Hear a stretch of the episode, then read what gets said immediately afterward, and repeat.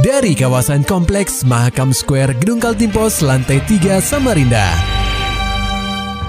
96,8 KPFM. Kita akan ikuti program KP Flash News.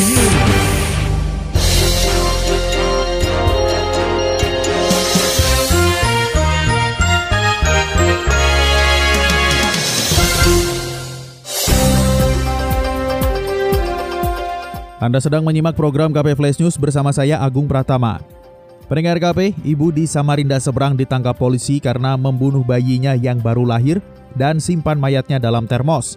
Laporan selengkapnya disampaikan reporter KPFM Samarinda, Maulani Al-Amin. Pendengar KP, perempuan berinisial Avi ditangkap polisi karena tega membunuh bayinya sendiri. Warga Samarinda seberang itu diketahui menyimpan mayat sang bayi di dalam termos nasi terbungkus plastik warna hitam. Kasus ini terungkap usai perempuan 22 tahun itu mengalami pendarahan hingga harus dilarikan ke rumah sakit.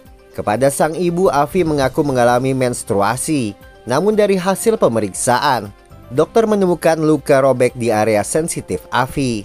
Avi melaksanakan persalinan mandiri di kamar mandi pada Rabu 13 Desember 2023. Karena panik, Avi memasukkan kepala bayinya ke dalam gayung berisi air hingga tak bernyawa. Oh pengen air besar mungkin rasanya gitu ya? Iya kayak kontraksi. Tahu karena cari informasi di Google gitu kan kalau udah kayak intens sakit perutnya itu kan caranya mau melahirkan. Melahirkan. tiba-tiba pas kencing ya kencing langsung keluar gitu Kondisi hidup atau meninggal pada saat itu? Bayi? Hidup. Hidup. Oke. Ya ada nangis ya. Klosetnya yang duduk atau yang jongkok? jongkok. Kapolresta Samarinda Kombes Pol Arif Fadli mengatakan, dari laporan pihak rumah sakit, anak yang dilahirkan Avi secara normal berjenis kelamin laki-laki. pada saat melahirkan setelah sesaat setelah melahirkan karena panik ya mungkin panik kemudian tersangka ini sempat berupaya untuk eh, menghilangkan atau melakukan kekerasan sehingga eh, eh, bayi tersebut meninggal dengan cara mencelupkan eh, mukanya atau wajahnya kepalanya ke eh, gayung ya. Gayung yang berisi air selama tiga kali Atas perbuatannya, Avi dijerat pasal 76 huruf C, Jungto pasal 80 ayat 3 dan 4 Undang-Undang Republik Indonesia nomor 35 tahun 2014, perubahan atas Undang-Undang Republik Indonesia nomor 23 tahun 2002 tentang perlindungan anak dengan ancaman 15 tahun penjara. KPFM Samarinda, Maulani Al-Amin melaporkan. Berita selanjutnya pendengar KP, Wali Kota Samarinda Andi Harun memastikan banjir tak biasa yang terjadi di bilangan Lempake pada 16 Desember lalu tak hanya disebabkan curah hujan yang tinggi, tapi juga karena tanggul di perumahan Talang Sari yang jebol. Dampak dari peristiwa tersebut sebanyak 224 rumah warga yang berada di RT 18 dan 19 Lubuk Sawah, Mugirejo, terendam banjir dan lumpur. Selain itu, lahan pertanian milik warga setempat juga sempat terendam dan bahkan berdasarkan pengakuan warga, luasan lahan yang terendam mencapai 2 hektar. Andi Harun menduga jebolnya tanggul dengan lebar 5 meter tersebut disebabkan oleh debit air yang terus mengalir deras, ditambah curah hujan tinggi, serta adanya aktivitas pekerjaan tambang di sekitar lokasi tersebut. Setelah kita drone, visit ke lapangan, didapati analisis bahwa pertama itu karena memang jebol apa yang jebol folder lavender di perumahan Talansari.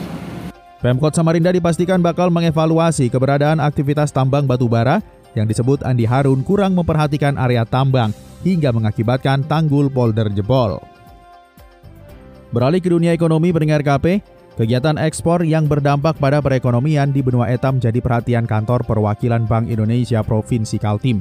Menurut Kepala Bank Indonesia Kaltim Budi Widi Hartanto, para eksportir perlu memperhatikan sejumlah hal untuk menyiapkan produk berkualitas siap ekspor. Budi menjelaskan, pelaku ekspor perlu meningkatkan program capacity building agar mereka menembus pasar ekspor. Kemudian meningkatkan kualitas dan kuantitas serta konsistensi dalam melakukan ekspor ke negara-negara mitra bisnis. Terakhir, para pelaku ekspor perlu memperhatikan aturan yang berlaku sehingga dokumen untuk kelengkapan ekspor telah dipenuhi. Eksportir ini sehingga pada saat nanti melewati proses pelabuhan baik di Indonesia maupun nanti di luar negeri itu dengan mudah uh, apa bisa ditembus uh, karena persiapan yang sudah matang. Kepala Bank Indonesia Kaltim Budi Widi Hartanto juga ingin lembaga-lembaga yang berkaitan dengan bidang ekspor dapat mendukung kegiatan ekspor di Kaltim bisa lebih meningkat. Pemprov Jateng raih penghargaan provinsi terinformatif enam kali berturut-turut, Jakarta 19 Desember 2023. Pendengar KP untuk keenam kalinya secara berturut-turut pemerintah Provinsi Jawa Tengah menerima penghargaan sebagai badan publik informatif terbaik Usai menerima penghargaan dalam ajang Anugerah Keterbukaan Informasi Publik 2023 di Istana Wakil Presiden pada Selasa 19 Desember 2023, penjabat Gubernur Jawa Tengah Nana Sujana mengaku bangga atas pencapaian tersebut. Hal ini menunjukkan Pemprov Jateng tidak hanya bekerja keras mempertahankan informasi, namun juga mempertahankan keseriusan dalam membangun keterbukaan informasi publik. Sementara itu, selain Pemprov Jawa Tengah, Desa Bumi Roso, Kecamatan Watu Malang, Kabupaten Wonosobo, Jawa Tengah juga mendapatkan penghargaan sebagai Desa Informatif Terbaik Nasional. Nana menambahkan pihaknya berkomitmen untuk mensosialisasikan ke desa-desa lain agar bisa mendapatkan predikat yang sama. Nana berharap keterbukaan informasi publik yang sudah dibangun selama bertahun-tahun oleh Pemprov Jateng dapat menciptakan komunikasi yang sehat antara masyarakat dengan pemerintah.